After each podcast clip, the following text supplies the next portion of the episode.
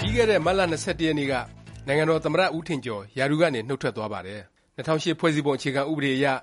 သမ္မတဟာ ခုလိုပဲ နှုတ်ထွက်ခွင့်ရှိပြီး လွှတ်တော်ဘက်ကနေ နောက်ထပ် သမ္မတ အသစ်တစ်ယောက် ရွေးချယ်ရေး လုပ်ငန်းစဉ်တွေ လုပ်ကိုင်ပေးရပါတယ်။တစ်ပြိုင်နက်တည်း အဲဒီ တစ်နေ့တည်းမှာပဲ ပြည်သူ့လွှတ်တော် ဥက္ကဌ ဦးဝင်းမြင့်ကလည်း တာဝန်ကနေ နှုတ်ထွက်သွားပါတယ်။မတ်လ ၂၂ ရက်နေ့မှာတော့ ပြည်သူ့လွှတ်တော်ဟာ ဥက္ကဌ အဖြစ် ဦးတီခွန်မြတ်၊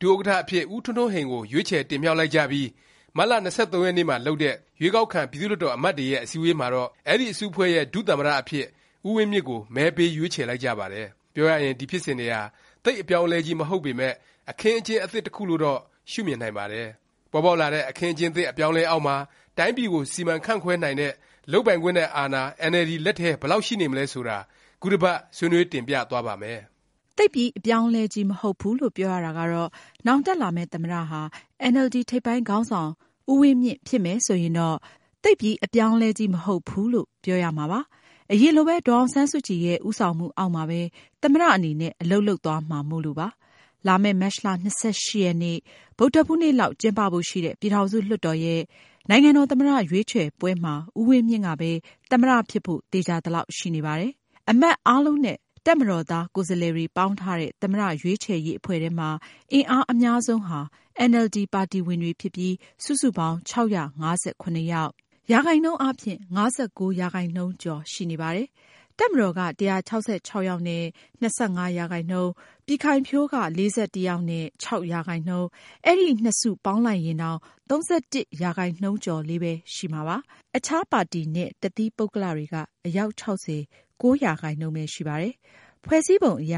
သမ္မတရွေးချယ်ရေးပုံစံဟာဒုသမ္မတတွေထဲကသမ္မတအဖြစ်ကိုယ်ကြိုက်နှစ်သက်ရာတစ်ယောက်ကိုမဲပေးရွေးချယ်ရတာပါ။မဲအများဆုံးရသူသမ္မတဖြစ်လာမှာမို့အင်န်အယ်လ်ဒီအမတ်တွေမဲပေးတဲ့ဒုသမ္မတဟာသမ္မတဖြစ်လာမှာသေခြာနေပါတယ်။ဒါကြောင့်ဦးဝင်းမြင့်သမ္မတဖြစ်လာမှာပါ။ ဦးဝင်းမြင့် နိုင်ငံတော်သမ္မတ ဖြစ်လာရင် အရင်သမ္မတ ဦးထင်ကျော်ထက် ပိုပြီး လုပ်နိုင်ကိုင်နိုင် အခြေအနေ ဖြစ်လာမှာ သေခြာပါတယ်။အရင်သမ္မတ ဦးထင်ကျော်ဟာ ဒေါ်အောင်ဆန်းစုကြည်နဲ့ ရင်းနှီးသူ၊သစ္စာရှိသူ၊အင်န်အယ်လ်ဒီကို အစဉ်တစိုက် ထောက်ခံသူ ဆိုပေမယ့် ပါတီလုပ်ငန်းတွေ၊နိုင်ငံရေးလုပ်ငန်းတွေမှာ ဦးဝင်းမြင့်လောက် ထဲထဲဝင်ဝင် လုပ်ကိုင်ခဲ့သူ မဟုတ်ပါဘူး။ဆောင်းပါးတွေ၊စာတွေရေးပြီး အေးအေးချမ်းချမ်း နေထိုင်တတ်သူ တစ်ယောက်ပဲ ဖြစ်ပါတယ်။အဲလို အခြေအနေမျိုးကို သူ သမ္မတ တာဝန်ယူခဲ့တဲ့ ၂ နှစ်တာ ကာလကို ပြန်ကြည့်ရင် သိနိုင်ပါတယ်။ဦးဝင်းမြင့်ကတော့ အဲဒါနဲ့ ခြားနားတာကြောင့် သမ္မတ အဖြစ် အလုပ်တွေ ပိုပြီး တက်တက်ကြွကြွ လုပ်နိုင်၊နိုင်ငံရေးမှာ ပိုတက်တက်ကြွကြွ ပါဝင်နိုင်မှာဖြစ်ပြီး ဒေါ်အောင်ဆန်းစုကြည်ရဲ့ ရည်မှန်းချက်တွေကို ပိုပြီး အကောင်အထည် ဖော်ပေးနိုင်မယ့်သူ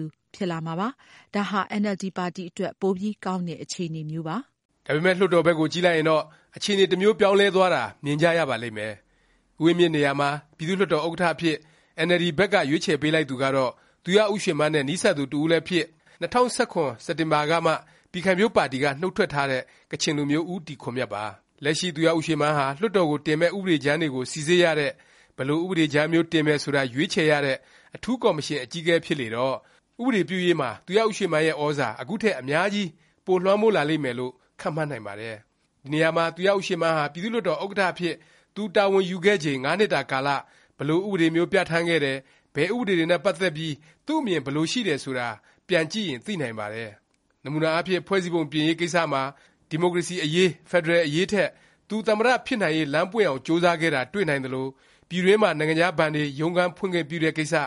နိုင်ငံတကာ ကုမ္ပဏီတွေကို ဆက်သွယ်ရေး လုပ်ငန်း လိုင်စင် ချထားပေးတဲ့ကိစ္စ စတာတွေမှာ ဆန့်ကျင်ခဲ့သူ တစ်ယောက်လည်း ဖြစ်ပါတယ်။ပြောရရင် ဥပဒေပြုရေးမှာ တိုင်းပြည်အကျိုးစီးပွားထက် ခရိုနီတွေ၊အခွင့်ထူးခံတွေ အကျိုးရှိအောင် ပိုပြီး လုပ်ခဲ့သူလား မေးခွန်းထုတ်ခံရသူဖြစ်ပါတယ်။ဒါကြောင့် နိုင်ငံအတွက် အတော့်ကို အရေးပါတဲ့ ပြည်သူ့လွှတ်တော် ဥက္ကဌ အဖြစ် ဦးတီခွန်မြတ်ကို ရွေးချယ်လိုက်တာဟာ အင်န်အယ်လ်ဒီ ပါတီအတွက် ဥပဒေပြုရေးလုပ်ငန်းမှာ ပြည်သူလူထုအကျိုး၊ဒီမိုကရေစီအကျိုးကို စိတ်တိုင်းကျ ဆောင်ရွက်နိုင်ပါ့မလား ဆိုတာကတော့ သံသယ ရှိစရာပါ။ အခြားတစ်ဖက်မှာတော့ ငြိမ်းချမ်းရေး လုပ်ငန်းစဉ် ဦးဆောင်မှုမှာ အင်န်အယ်လ်ဒီ ရဲ့ အခန်းကဏ္ဍ လျော့ကျလာတာလည်း တွေ့နေကြရပါတယ်။ ငြိမ်းချမ်းရေးလုပ်ငန်းစဉ်ကြီးတစ်ခုလုံးရဲ့ ဦးစီးခေါင်းဆောင်ဟာ ဒေါ်အောင်ဆန်းစုကြည်ဖြစ်ပြီး လက်တွေ့ အကောင်အထည်ဖော်ရာမှာတော့ ဒေါက်တာတင်မျိုးဝင်း ဦးဆောင်နေပါတယ်။အဖွဲ့ဝင်အဖြစ်အင်န်အယ်လ်ဒီဘက်က ဦးအောင်စိုးနဲ့ ဦးနိုင်ငံလင်းတို့ ပါဝင်ပါတယ်။လက်တွေ့အခြေအနေမှာ တကယ့်ခေါင်းဆောင်မှု နေရာယူထားတဲ့ ဒေါက်တာတင်မျိုးဝင်းအနေနဲ့ ငြိမ်းချမ်းရေးဖြစ်စဉ်ဆိုင်ရာ ကိစ္စတွေ၊လက်နက်ကိုင်တပ်ဖွဲ့အကြောင်းတွေကို ထဲထဲဝင်ဝင် မသိတာ၊ ဦးအောင်စိုး၊ဦးနိုင်ငံလင်းတို့ကလည်း ထိထိရောက်ရောက် ထဲထဲဝင်ဝင် မပါဝင်နိုင်တာကြောင့် အစိုးရဘက်လို့ ပြောလိုက်ရင် ဗိုလ်ချုပ်ကြီးဟောင်း ဦးခင်ဇော်ဦး၊သမ္မတရုံး ညွှန်ကြားရေးမှူးချုပ် ဦးဇော်ဌေး နဲ့ တပ်မတော် ဗိုလ်ချုပ်ကြီးတွေရဲ့ လက်ထဲပဲ ရောက်နေတာ တွေ့မြင်နိုင်ပါတယ်။တနည်းပြောရရင် အင်န်အယ်လ်ဒီ ဟာ ဥပဒေပြုရေး လွှတ်တော်ကို လွှမ်းမိုးထားပြီး အစိုးရအဖွဲ့ကို ဦးဆောင်နေပေမယ့် ငြိမ်းချမ်းရေး တည်ဆောက်ရာမှာတော့ တကယ့် ဦးဆောင်မှုနေရာ၊စီမံခန့်ခွဲမှုနေရာမှာ ရှိမနေဘူးလို့ ပြောနိုင်ပါတယ်။ ဒါတွေအားလုံးကို ခြုံငုံသုံးသပ်ကြည့်လိုက်ရင် လက်ရှိ ဖြစ်ပေါ်လာမယ့် အခင်းအကျင်း အခြေအနေအရ ဒေါ်အောင်ဆန်းစုကြည်က တိုင်းပြည်အတွက် နံပတ်အရေးအကြီးဆုံးလို့ သဘောထားတဲ့ ငြိမ်းချမ်းရေး လုပ်ငန်းစဉ်ဟာ အင်န်အယ်လ်ဒီ ပါတီရဲ့ ဦးဆောင်မှုနဲ့ စီမံခန့်ခွဲမှုအောက်၊တစ်နည်း အင်န်အယ်လ်ဒီ ရဲ့ လက်ထဲမှာ ရှိမနေပါဘူး။အရေးကြီးပါတယ် ဆိုတဲ့ ဥပဒေပြုရေးမှာလည်း အဓိက ခေါင်းဆောင် ပြည်သူ့လွှတ်တော် ဥက္ကဌဟာ